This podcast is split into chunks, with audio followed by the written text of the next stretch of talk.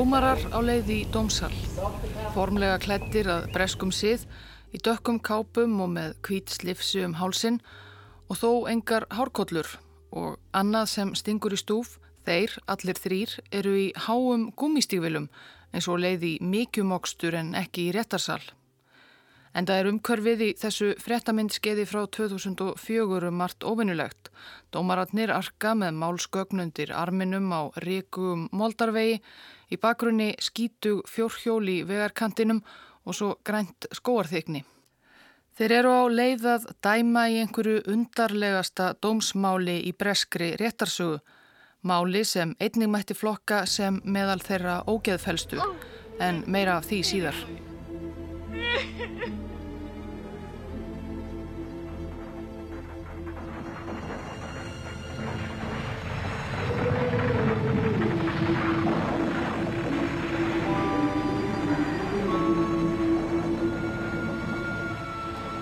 Síðustu andartökin í kvikmynd frá 1962.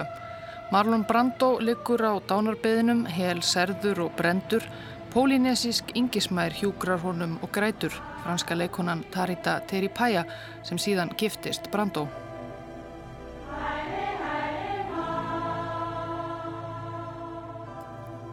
Von Bráðar er skipti mynd af seglskipi ekki langt undan landi sem brennur glatt. Þetta er breska seglskipið HMS Bounty og kvikmyndin sem endar á þessum ósköpum er Mutiny on the Bounty, ein af alls fjórum stórmyndum sem gerðar hafa verið um sama atbyrðin, eitt þann allræmdasta í breskri siglingasögu, uppreist áhafnarliða á Bounty gegn skipstjóra sínum í Suðurhöfum 1789. Bounty var gert út af breska sjóhernum í einum tilgangi til að ná í brauðaldin plöntur á suður Kirrahafseginni Tahiti og flytja það til vestur India þar sem vonir stóðu til að næringaríkt brauðaldin geti vorðið ódýr fæða fyrir þræla bresku nýlendu herrana. Skipstjórin William Bly fór fyrir 45 manna áhöfn. You mutinous dog. Retract that, sir. I will repeat it. You're a mutinous dog. Mr. Chris. Land ho, sir! Right away! Samkvæmtinni hefðbundnu sögurskoðun sem á sjá í Marlon Brando myndinni frá 1962 og í Clark Gable myndinni frá 1935 og Mel Gibson myndinni frá 1980 var Blæ skipstjóri hinn versti harðstjóri sem fór illa með menn sína og refsaði þeim við minsta tilefni. Nútíma sakfræðingar telja reyndar margir að blæ hafi þvert á móti verið sérstaklega rétt síðan og nútímanlegur skipstjóri en látum það likja millir hluta. Eftir langa siglingu frá Breitlandi áði bánti á Tahiti í fimm mánuði á meðan brauðaldin plönturnar voru ferðbúnar.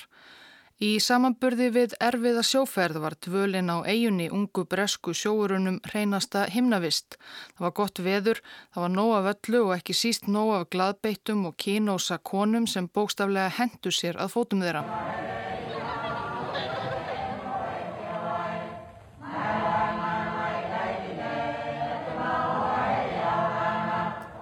Ekki að undra kannski að þegar halda átti áfram eftir fimm mánada seldarlíf í örmum Tahítískra meia voru margir skipverjana ekkert svo spendir. Þremur vikum eftir brottfur frá Tahíti í aprílok 1789 gerði hluti skipverja og bánti uppreist undir stjórn Fletchers Kristjan, 25 ára gamals stýrimann sem hafði þá um skeið eldað grátt silfur með skipstjóranum. Uppreysnamenn tóku dallin yfir og settu blæ skipstjóra og fylgismenn hans, þeir voru þó nokkrir, út í einn af skipsbátunum úti á Rúmsjó. Það var undravert afreg blæ og félagaðan á síðan að sigla óra langa leið heilu og höldnu til eigunar Tímor og komast þaðan heim til Breitlands þar sem þeir sögðu frá ótaðisverkum uppreysnarmanna. En á meðan stóðu uppreysnarmenn líka í stóræðum. Áform Kristjáns, sem vissi að hann gæti aldrei snúið aftur heim til Breitlands, var að setja stað á einhverju smáegjunni þarna í söður Kirahafi. En til þess þurftu mennir auðvitað konur, auðvitað. Þeir snýru því aftur til Tahiti þar sem þeir göppuðu nokkrar konur um borð í bánti undir yfirskinni gleðskapar um borð og líka nokkra kartmenn. Svo sildu þeir bara af stað og loks eftir mikið volk mánuðum saman Þá fundu þeir ákjósanlega eigu, græna og gróskumikla að þér virtist, fjórir og hálfur ferkilometri að stærð, það er nokkru minni en grímsei, óbyggð með öllu. Skipverjar fóru í land og til að undirstryka að þeir skildu aldrei aftur snúa til Breitlands þar sem þeir voru eftirlýstir menn, þá lögðu þeir eld að bándi. We'll never get off this island now, will we, sir? Never see England again.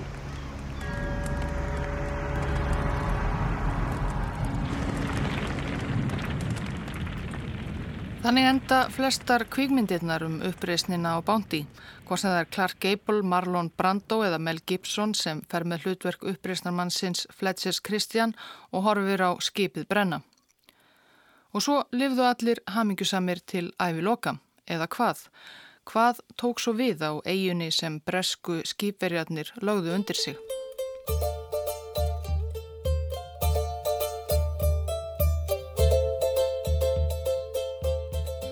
Mayhew Folger, skipstjóri á bandaríska selveðiskipinu Topaz frá Boston, var búin að vera mánuðum saman á siglingu um Suðurhöfi leitað nýjum veiðilendum með afskaplega litlum árangri. Hann og menn hans höfðu kannad hverja smá eiguna og fætur annari án þess að finna margar vænlegar selabygðir. En eina eiguna eigðu þeir 7. februar 1808, 25 gráður söður og 130 gráður vestur. Eija sem var ekki á kortinu en Folger dróð þá áleiktun að þetta hlitið að vera eiga nokkur sem breskir sjóarar höfðu uppgötvað um hálfri öld áður en greinilega mert vittlust inn á kortið þar sem hún átt að vera um 300 kílometra í vesturátt. En allt annað stemdi. Hún var um 3 kílometrar á lengt og 1,5 í þvermál, græn og gróskumikil að sjá en strandlengjan skerjótt og ekkert ákjósanlegt hafnarstæði. Bretarnir höfðu kallað eiguna í höfuðið á messaguttanum sem fyrstur kom auga á hana. Pitcairn eiga héttun. Smá eiga um það byl miðja vegumilli Peru og Nýjasjálands, ein í hafinu, 5.000 km norðaustur af nýsjálenskri ströndu, 2.000 km frá Tahiti, varla hægt að komast á afskektari stað. Sangvænt bretunum var þessi eiga óbyggð. Það kom því fólker talsvert á óvart að sjá þegar selveði skipið Tópas mjakaðist nær eigunni, reykjarslæðu læðast upp úr skólendinu. Þarna var einhver með eld. Fólker og nokkri manna hans lögðu á stað til strandar á árabótum. Kom þá Siglandi á móti þeim Kano sem rýru fimmlega þrýr ungir menn, hraustleir, dökkir yfirlitum og til að bæta enn á undrun bandaríska selveði skipstjórans Ávarpuðu þeir hann á lítalösir ensku. Hver er þú? spurðu þeir. Mayhew Folger kynnti sig og skipsitt, Tópas frá Ameríku. Ungu ræðaratnir kváðu. Hvað var þessi Ameríka? Var það einhverstar á Írlandi? Samkvæmt endursögn Folgers átti hann svo þessi orðaskipti við ungumennina. En hverjir eru þið? Við erum englendingar.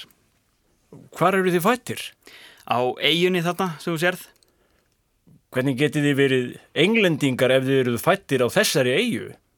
Við erum englendingar að því að fadir okkar er englendingur. Hver er fadir ykkar? Alec. Hver er Alec? Þekkir ekki Alec? Hvernig ætti ég að þekkja þennan Alec? Jæja, en þekkir þá Blæ, skipstjóra á Bounty. Auðvitað þekkti Mayhew Folger söguna af blæ skipstjóra á Bounty eins og allir sjóarar á þessum tíma. Það voru 19 ár liðin og það var enn algjör ráðgáta hvað síðan hefði orðið af uppreysnamönnunum. Blæ hafði komist til Breitlands en ekkert hafði spurst til þeirra. Folger hafði sjálfur oft velt þessu fyrir sér í gernum tíðina, brotið heilan með vinum og samstagsmönnum. En hér var svarið allt í einu komið á þessari afskektu eigu Folger fylgdi ungumönnunum á kanónum í land þar sem reyndist vera lítil byggð sem vissulega mátti rekja til uppreysnarmannana á bándi. En aðeins einn af uppreysnarmönnunum var eftir á lífi. Það var tíður Alec, fadir ungumannana í bátnum. Hann hafði kallað sig Alexander Smith um borði bándi en héttavísu réttunafni John Adams. Hann sem hafi verið 22 ára ólæs óbreyttur sjóliði um borði í bánti en var nú 41 ás og byrjaði að grána, Reyndist búa á eiginni með tíu konum frá Tahiti og 23 börnum á öllum aldri. Þau voru hans eigin afkomendur og börn hinna uppreysnamannana en öll börnin kolluðu Adams föður sinn og hann helt út í litlum skóla þar sem hersingin lærði ennsku og kristinfræði. Adams var greinilega guðhrættur maður og þetta virtist bara vera hið settlegasta litla samfélag þarna á þessari smáegju á hjara veraldar.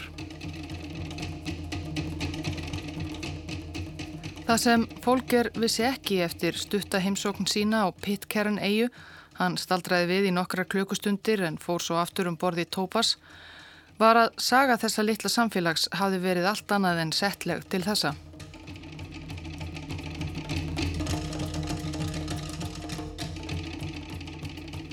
Pitcairn var sankölluð paradís, gott veður, allt grænt, auðugur, jarðvegur. Þegar Fletcher Kristján og uppreysnar menn hans, alls nýju brettar, höfðu brent skipið bánti fóru þeir að koma sér fyrir, beigðu sér hver sinn kofa og skiptu rættanlegu landi á eiginni bróðurlega á millisín. En þeir voru ekki einir á ferð. Með þeim á eiginni voru sex karlmenn frá Tahiti sem höfðu slegist í förmeðim og tólf konur líka frá Tahiti. Tahiti karlarnir fengu ekkert rættarland en það kom það flott í ljós að breytatnir ætluði sér að hafa þá sem eins konar þræla. Þeir höfðu sjálfsögðu ekki sagt þeim það, þó. Og konunum var svo ráðstafað jafn bróðurlega. Hver breyti fekk eina Tahiti konu sem sína eigin konu og þær þrjár sem eftir stóðum áttu Tahitísku karlmennir sex deila sín á milli. Þetta fyrirkomulag bauð auðvitað upp á talsverðan núning. Bretunum með sína tahitísku vinnu og kynlífsþræla gekk ágætlega að koma undir sig fótunum á Pitcairn. Jarðvegurinn var frjósamur og fymtu degi í oktober 1790 fættist fyrsta barnið á eiginni, sonur Fletchers Kristján og konu hans Mao Tu sem fekk nafnið Thursday Oktober Kristján. Hann var jú fættur á fymtu degi í oktober. En ekki svo löngu eftir það létust tvær tahitískar konur, eiginkonur tveggja bántímanna, báðar af sleisförum að sagt er. Ákváðu ekladnir þá að taka að sér tvær af konunum sem tahitísku körlunum hafi verið útlutað og skilja þá sex eftir með eina. Tahítimennir reyttust við og fóru að leggja á ráðunum að myrða bretana, en bretarnir komust á snóður um áformin og tveir tahítimenn voru myrtir í staðin. Í september 1793 sögð svo upp úr aftur. Fjórir eftirlifandi Tahiti-menn komust yfir skotvopn og réðust gegn kúrum sínum. Þeir réðust á Kristján, uppreysnar leðtóan, þar sem hann var við vinnu á agreinum sínum, skutu hann fyrst og hökkuðu svo í spað með öksi. Svo drápuð þeir fjóra breyta til viðbótar. Í átökunum sem fyldu voru allir Tahiti-mennir myrtir. Þeir fjórir bántimenn sem stóðu eftir sem einu fullortnu karlatnir á eigunni voru temmilega til friðs næstu árin en 1798 fór allt aftur upp í loft. Þá hafði einn uppreysnamannana að nafni McCoy byrjaði að bruka spýra og allir, konur og karlar, lögðust í tömlausa drikkjum sem endaði með því að McCoy vinsti vitið og hendi sér fram á kletti, annar uppreysnamaður réðist á eigin konur hinna og var myrtur fyrir vikið og þá voru eftir tveir. Tveimur árum síðar lést annar þeirra eftir asmakast. Þá var rúmur áratugur síðan bántimenn komið sér fyrir á Pitcairn og aðeins eitt þeirra var eftir á lífi, John Adams.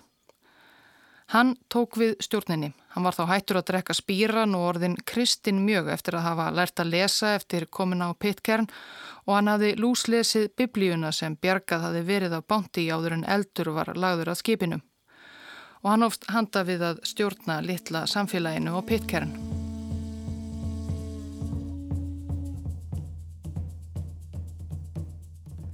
Það gekk á ímsu í sögu pittkern eftir heimsókn bandaríska kvalveðiskipsins. Fleiri skip fyldu meðal annars bresk herskip en í Breitlandi verðu menn hreinlega svo imponeraðir þegar sannleikurinn um afdrif bántimanna varði ljós að John Adams hafi tekist að búa til þetta guðhrætta samfélag og þessari afskjöktu eigu að leitt að það var ákveðið að grýpa ekki til neitna aðgerða þrátt fyrir að tæknilega séð væri hann eftirlýstur fyrir alvarlegan glæp uppreysnina gegn blæ skipstjóra. Eigaskekkjum var hampað og það var vinsælt meðal velstæðra og guðrættra breyta að senda þeim ímsar gjafir. Viktoria Drottning sendi orgel til dæmis. 1838 var eigin formlega innlimuð í breska heimsveldið. Hún helt þó áfram sjálfstjórn að mestu, ekki síst ég því hversu afskekt hún var og er. Íbúafjöldin fór mest upp í 227, rétt fyrir setni heimstyrjöld. Þá sem nú voru flestir eigaskeggjar skildir. Það gerðist sára sjaldan að einhverju utanaðkomandi settist þarna að og flestir báru því enn eftirnöfn bándimanna og gáttu rakið ættir sínar til þeirra og þeirra tahítísku kvenna. Á eftirstríðs árunum fækkaði eigaskeggjum talsvert, eigan rúmar ekki svo marga. Markir fluttu til Ástralíu og Nýja Sjálands þar sem í dag búa fleiri afkomendur Pitcairn búa en á eigunni sjálfri. Þeir sem eftir voru heldu áfram sínu lífi, keirandi um moldarvegina og fjórhjólum því það er engir bílar á pittkern, heldur engin sími eða sjónvarp lengst af, ramagnið skamtað, ein verslun opin örfár klukkustundir á viku og svo framvegis. Og allir lifðu hamingusamlega upp frá því, eða hvað?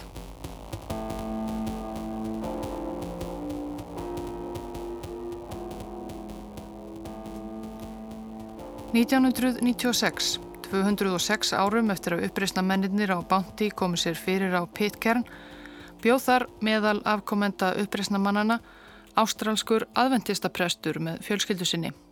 Sjöundadags aðventistar höfðu stundað trúbóð á eiginu undir lok 19. aldar og tekist að snúa lang flestum eigaskeikjum. Nafn þessa ástralska klerks fylgir ekki sögunni. Nýjanabn dóttur hans sem 11 ára gömul árið 1996 sagði pappa sínum að tvítugur langa, langa, langa, langa, langa, langavasonur Fletsis Kristjan, Sjón Kristjan, hefði nöðgað sér.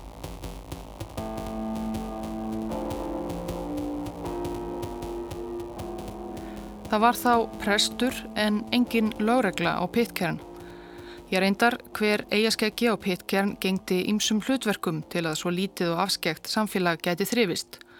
Þannig var fadir áður nefnds Sjóns, Steve Kristjan, langa, langa, langa, langa, langavasonur uppreysnar leðtúans Fletches Kristjan, lengi vel bæjarstjóri á Pitcairn eins og það var kallað, auk þess að hann var stýrimaður á mótorbátnum sem var notaður til að komast til eigarinnar, þar er engin skipahöfn, og líka til að ferja þongað vistir af skipum sem áttu leið hjá og hann var helst í tæknimaður eigarinnar og tannlæknirinn að auki án þess að vera sérstaklega tannlæknamentaður en það fegst hann aðalega við að draga úr fólki skemdar tennur. Íbúar Pitcairn voru um þetta leiti um 50 talsins. Aðrir eigaskeggjar voru álíka fjölhæfir og yðurlega var einhver duppaður upp sem lauruglumadur eigarinnar. Þeir sem gengdu því ennbætti fengu enga sérstaka þjálfun í löggæslustörfum. En það var lítið sem þið þurftu að gera annað en að stimpla af og til einhver skjöl, eigaskeggjar á pittkern virtust vera sérlega löghlýðinir því að þarna hafi vist ekki einn einasti glæpur verið framinn síðan 1950 eitthvað. Aldrei hafi nokkur íbúi á eiginni verið ákjærður fyrir glæp síðan bandimenn settust að rað á átjánduöld. Litla fangelsið á eiginni bygging á stærfið geimsluskúr var notað sem geimsluskúr fyrir verkfæri og timpur. En ástrálski afventistapresturinn vildi greinilega mál dóttur sinnar fengi almennilega meðferð. Hann leitt breska utaríkisráðuneytið vita og málið endaði á borði lauruglunar í Kent í suðaustur Englandi sem bauðst til þess að taka það að sér. Tveir breskir lauruglumenn flugu til Nýja Sjálands og sildu svo með gámaskipi 5.000 kilometrana til Pitcairn í fyrsta sinn sem breskir lauruglumenn stígu fæti á eiguna. Það var langt ferðalag fyrir rannsókn sem reyndist bara taka hluta ár einum degi. Ástrálska fjölskyldan var flutt af eigunni og Sjón Kristján meintur nöðgari fullirti að allt samneiti hans og áströlsku stúlkunar hefði verið með hennar samþykki og hann hefði bara ekki áttað sig á því að hún væri bara 11 ára. Bresku lauruglumennir gáfu unga manninum áminningu og heldu svo í aðra langferð heim til Kent.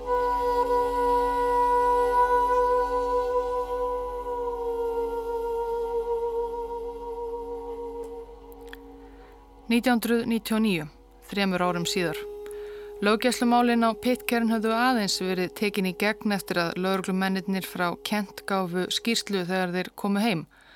Nú var fyrirkomulegið svo að breskur lögurglumæður heimsótti eiguna á tveggja ára fresti og dvaldi í nokkrar vikur í senn, eins gott að enginn fremdi nokkurt glæp einmitt þá.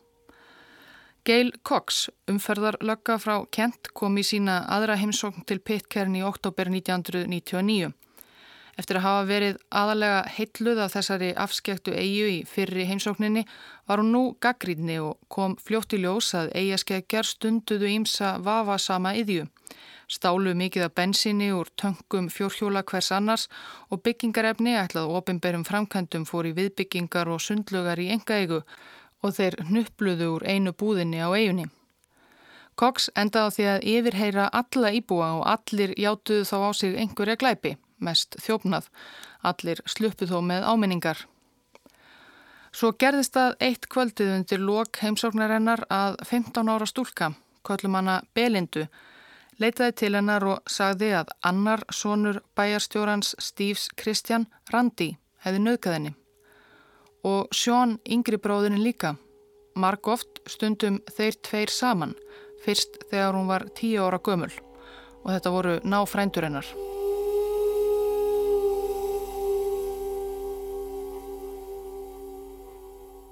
Til var ennbætti landstjóra Pitcairn EU gagvart breskum stjórnvöldum en landstjóri þessi hafði aðsettur á Nýja sjálandi og hafði lítil raunveruleg afskipti af eigunni og kom þangað afar sjaldan. Gail Cox hafði samband við landstjóran sem þá var Leon Salt. Hann var ómyrkur í máli. Skrifaði henni tilbaka eða ef hún færi að rannsaka þetta þá væri það að opna ormagrifjum.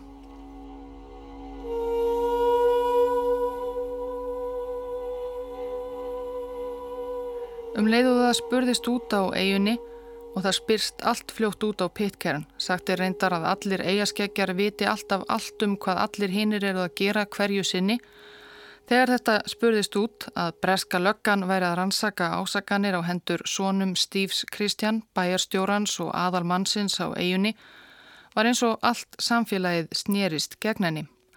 Áður vinalegir íbúar eigunar urðu kaldir og fjandsamlegir Allir neituðu því að nokkuð líkt því sem Belinda hafði sagt gæti hafa gerst. Bræðurnir Randi og Sjón Kristján voru þá báðir farnir af eiginni en Belinda helt áfram að greina frá hróttalögum brotum þeirra gegn henni. Kvöld eitt var enda brjótast inn í húsið sem Gail Cox legði. Hún saði landstjóranum salt að hún ótaðist um lífsitt. Að lokum í apríl árið 2000 ákváðuna yfirgefa eiguna og taka Belindu með. Henni var heldur ekki lengur líft á eigunni. Fadir Belindu fyldi henni niður að bryggju og kvatti hana með þessum orðum Ef þú heldur þessu til streitu kemur þú aldrei aftur á pittkæran og þú verður ekki lengur hluti þessarar fjölskyldu. Þetta verður til þess að samfélagið á eigunni leysist upp og það verður þér að kenna.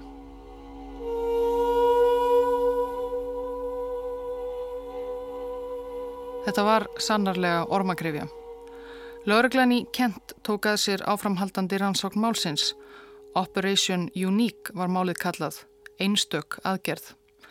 Menn grunaði nefnilega strax að málið einskorðaðist ekki við Belindu og bæjarstjóra sinina tvo. Breskir löglumenn voru sendir af stað að ræða við allar konur sem alistöðu upp á Pitcairn frá árunnu 1980 og byggu nú utan eigunar. Þær voru 20 frá stúlkum á táningsaldri og upp í konur á 50-saldri Flestar bygguð þá í Ástralíu og Nýja sjálfandi. Og allar, hver ein og einasta, saðist hafa verið misnótuð kynferðislega og barsaldri af körlum á pittkern. Frá áreitni til ofbeldisfullra nöðgana, þegar þær voru allt niður í þryggja ára gamlar. Nöfnin hrönnuðust upp. Einn fyrsta konan sem lauruglumennir rættu við í Okkland á Nýja sjálfandi, köllum hana Catherine, sagði að henni hefði líka verið nöðgað fyrst þegar hún var tíu ára fyrir mörgum árum. Gerandin var fadir Belindu. Í það skiptið, Katrín gæt nefnt fleiri menn sem höfðu brotið á henni á barsaldri. Hún hafði aldrei sagt neinum frá þessu, sagði hún, því þetta var álitið alvanalegt á pírkern.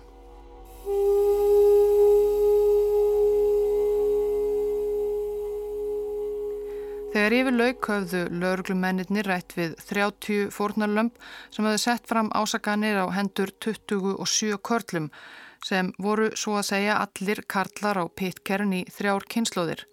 Tilft hvenna ásakaði nána ættingja, bræður, feður og frændur. Almennt gerðu náinn tengsl fjölskyldnana á pitkern rannsóknina afar flokna. Oftar en ekki voru feður fornarlampa sjálfur sagaður um glæpi gegn öðrum stúlkum.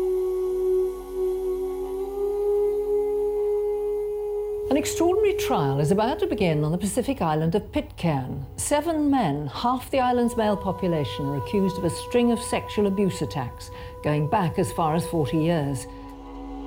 Margir Karlana, meintra nöðgara sem konurnar nefndu, voru látnir þegar þarna var komið sögum.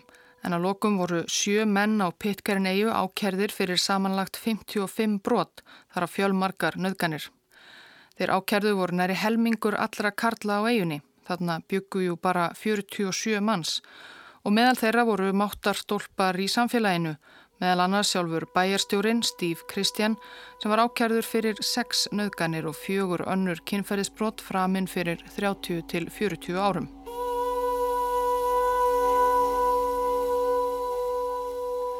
Staða Pitcairn olli bresku krúnunni nokkrum heilabrótum. Þarna hefðu jú engin réttarhöld verið haldin í meira en hundrað ár. Eian tilherði Breitlandi og þannig gildu bresk lög var meiningin en brettar höfðu aldrei skipt sér mikið af henni og svo var hún bara svo rosalega langt í burtu.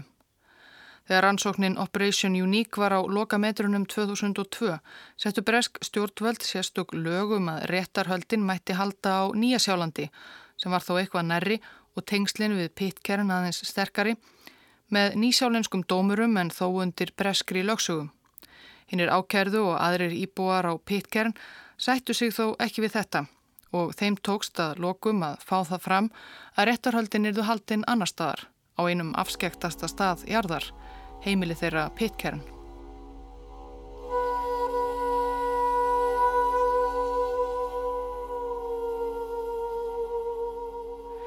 Þannig fór það að loksins í september 2004, fimm árum tæpum eftir að þinn þá 15 ára Belinda talaði við lauruglukonuna frá Kent Nær töfaldæðist íbúafjöldi eigunar Pitcairn skindilega þegar þanga komu þrýr nýsjálenskir dómarar, saksóknarar og verjendur, heil hersveit af öðru starfsfólki réttarins, breskir lauruglumenn og diplomatar og sex fretta og bladamenn. Því lígilegt mál þessarar afskektu eigu hafði þarnað sjálfsögðu rataði frettir um heim allan. Það var margt óvinnulegt við þessi réttarhöld strax frá byrjun. Við stýrið á mótorbátnum sem ferjaði dómsliðið af skipinu frá Nýja Sjálandi var Steve Christian, bæjarstjórin og aðal maðurinn á eigunni sem var einnig meðal ákjærðara. Aðrir sagbortningar tóku á móti aðkomu fólkinu við bátabryggjuna og bar fyrir það farangur og vistir upp hlýðina að einu byggð eigarinnar Adamstown. Þar fóru réttarhaldin fram í sal í látlausu timpurhúsi sem áður hafi verið samkómusalur eigaskekkja en var nú aðsetur hæstaréttar Pitcairn eigu eins og hann var kallaður.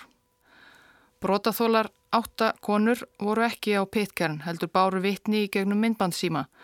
Þeim hefði tæplegast verið tekið vel á eigunni. Í aðdraganda réttarhaldana var aðkomu fólkinu almennt tekið frekar fálega.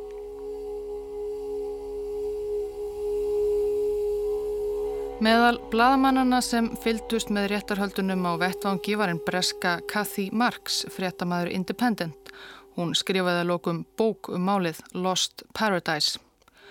Þar segir hún meðal annars frá því að dægin eftir að hún og hinnir fjölmiðlamennir lendu á Pitcairn hafið þau verið bóðu til eins konar bladamannafundar á heimili Steves Christian bæjarstjóra og konu hans Olive.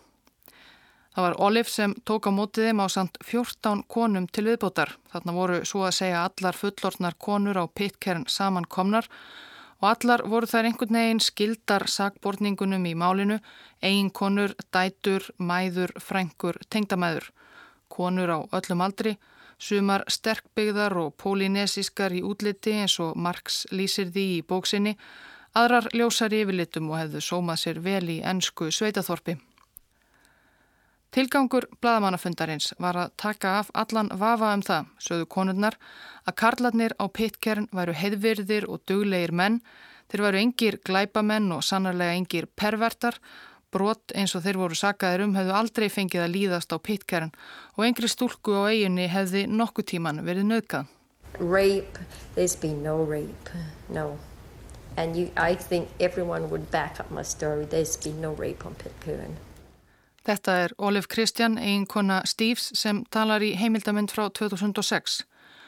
Hún var ansið tengt málinu.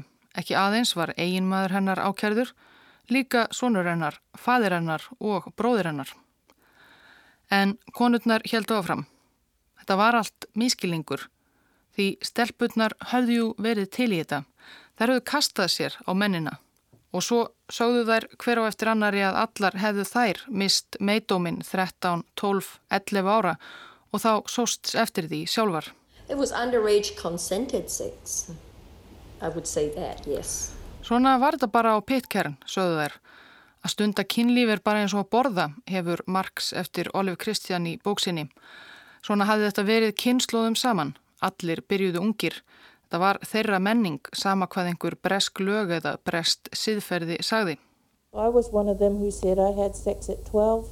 I went in uh, fully knowing what I was doing and um, I wasn't forced. Very young, but I thought I was hot. and I thought it was being like that you'd become a, you know, you'd be a big girl. Eigaskeggjar ráku jú líka ættir sínar til tahitísku kvennana sem uppreysna mennir á bánti hrifsuðu með sér til Pitcairn og Pólinesju eigum eins og Tahiti týðkaðist allt öðruvísi og opnari kynlífsæðun en á Breitlandi. Hvenar mistu þið eiginlega megi og sveindóminn spurði einhver konan bladamennina og svo hlóu konurnar dátt þegar einhver svaraði átján ára, fáránlega hár aldur þótti þeim. Vissulega var þetta nokkuð óvennilegur bladamannafundur en málflutningur kvennana vakti ekki sérstaka undrun. Pitken búar og bandamenn þeirra á förstu landi hafðu haldið upp í kröftugri málsvörn síðan rannsókn lauruglunar komst í hámæli og ekki síst eftir 2002 þegar Pitken tengdist internetinu í fyrsta sinn. Þá sögður þetta gerðnan. Þetta hefði allt verið með samþykki, þetta væri þeirra menning sem breskir nýlendu herrar ættu ekkert með að skipta sér af. Ásakanirnar væru legar, jável samsæri til að uppræta byggð á pitkern svo að breytar getur losnað við kostnaðin af henni. Eian naut nefnilega ríkulegar fjárhagsaðstóðar frá Lundunum og stóð annars ekki undir sér. Á árum áður höfðu eigaskeggjar því hann að ágætlega og því að selja söpnurum um heimallan sérstök sjálfséð pitkern frímerki en nú var runnin upp tími tölvupósta og frímerkjasöpnun sem hobby almennt á fallanda fæti. Allt hafði þetta mikið að segja. Það fór ekki fram hjá bresku lauruglumönnunum í Operation Unique að þegar leið á rannsóknina mistu þeir hvert vitnið á fætur öðru. Konur sem höfðu sagt lauruglu sögur af nögunum og kynferðisbrotum í upphafi dróðu fjölmarkar framburði sína tilbaka án skýringa. 30 konur urðu þannig átta sem tóku þátt í réttarhaldunum. Á bladamannafundinum og heimili Kristján Hjónana voru tvær konur sem sumuleiði sögðu sett fram ásakanir en síðan dreyðar tilbaka og staðhæðu nú að bresku lauruglumennir hefðu beitt þær þrýstingi eða lofaðum borgun fyrir að spinna upp glæpi.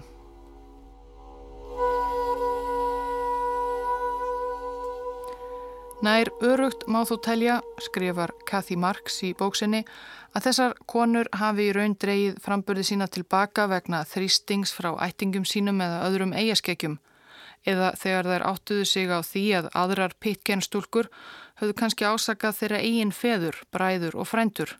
Allir eruðu dregnir í svaðið og þær ættu kannski aldrei afturkvæmt á eiguna. Eins og fadir Belindu, fyrstu stúlkunar, saði við hann á bryggjunni 1999 Hættu þessu eða þú verður útskúfuð úr fjölskyldunni.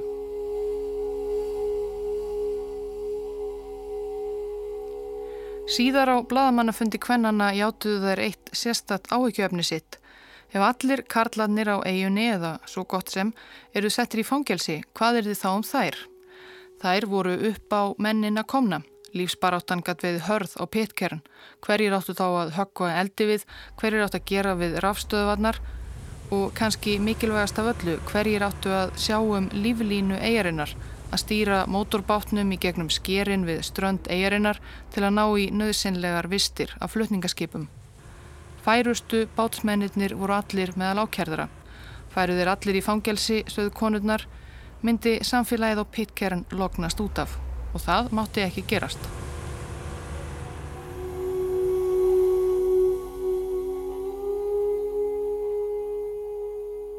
Réttarhöldin stóðu í rúman mánuð. Nýsjálensku dómarar breska Pitcairn hæstaréttarins fór skipulegi gegnum ásakanir á hendur öllum mönnunum sjö. Brotaþólar sögðu hræðilegar sögur í gegnum vídeosíman frá Nýjasjálandi. Þegar þrýr unglingspiltar lokkuðu eina inn í skógin og tveir heldu henni niðri undir banjantri og sá þriðji naukaðinni. Það var Steve Christian, síðar bæjarstjóri og svo framvegis.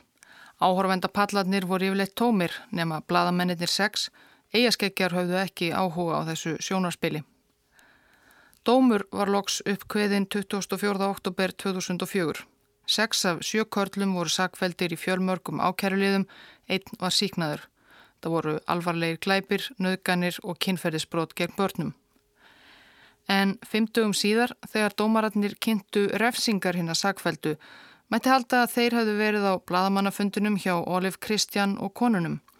Við útlutun refsinga var það líta til þess, sagði aðaldómarinn, að Pitcairn var bara eiga lengst út í Ballarhafi þar sem byggu tæplega 50 manns og þar sem þörf var á mannafli. Allir mennirnir fenguð í frekar vægar refsingar með að við eðli og fjölda brota. Þingstadóminn fekk Randi Kristjan, sonur Stífs Kristjan, sem var meðal annars fundin segur um að hafa misnotað stúlku ítrekkað um árabil frá því hún var 5 ára gömul. 6 ár fekk hann. Pappi hans segur um 5 nöðganir, 3 ár. Einn annar maður fekk fimm ár, hinnir þrýr voru dæmdir til stofufangelsis, vistar eða samfélagsþjónustu.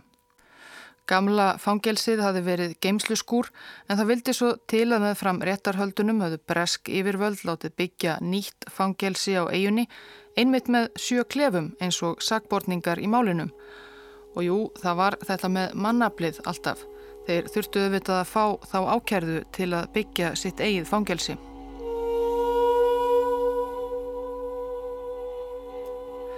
Árið eftir voru sex karlar til viðbútar, Pitcairn búar þá búsettir utan eigunar, dæmdir í domstóli í Okland á Nýja Sjálandi fyrir fjölda kynferðisbróta. Þar á meðal var Sean Christian, yngsti sonur bæjarstjórans og sá sem allra fyrstur var sakaður um naukun.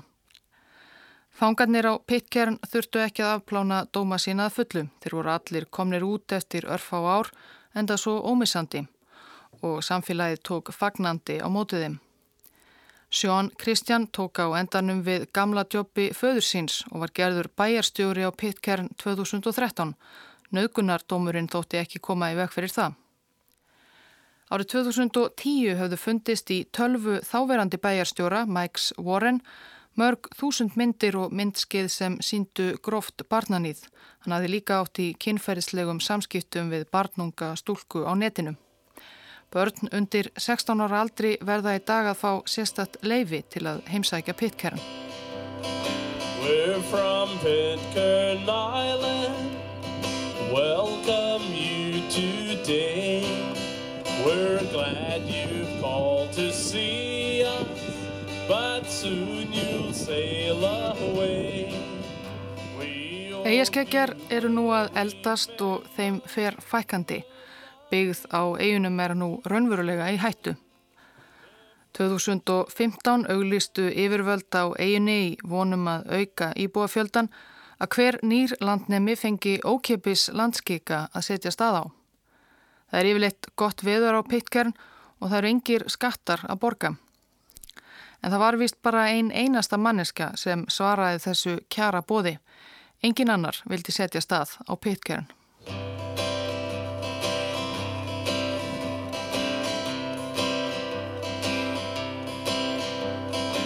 We're from Pitcairn Island. Welcome you today. We're glad you've called to see us, but soon you'll sail away.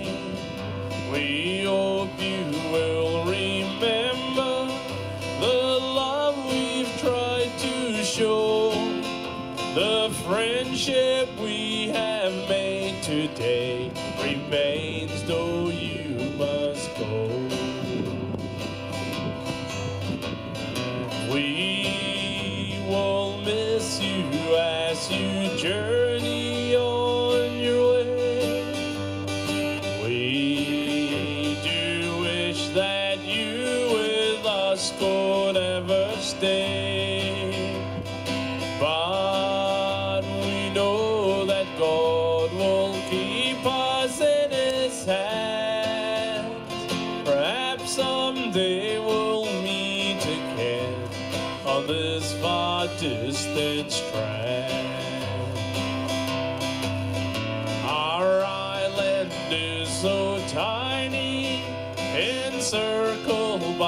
the seas.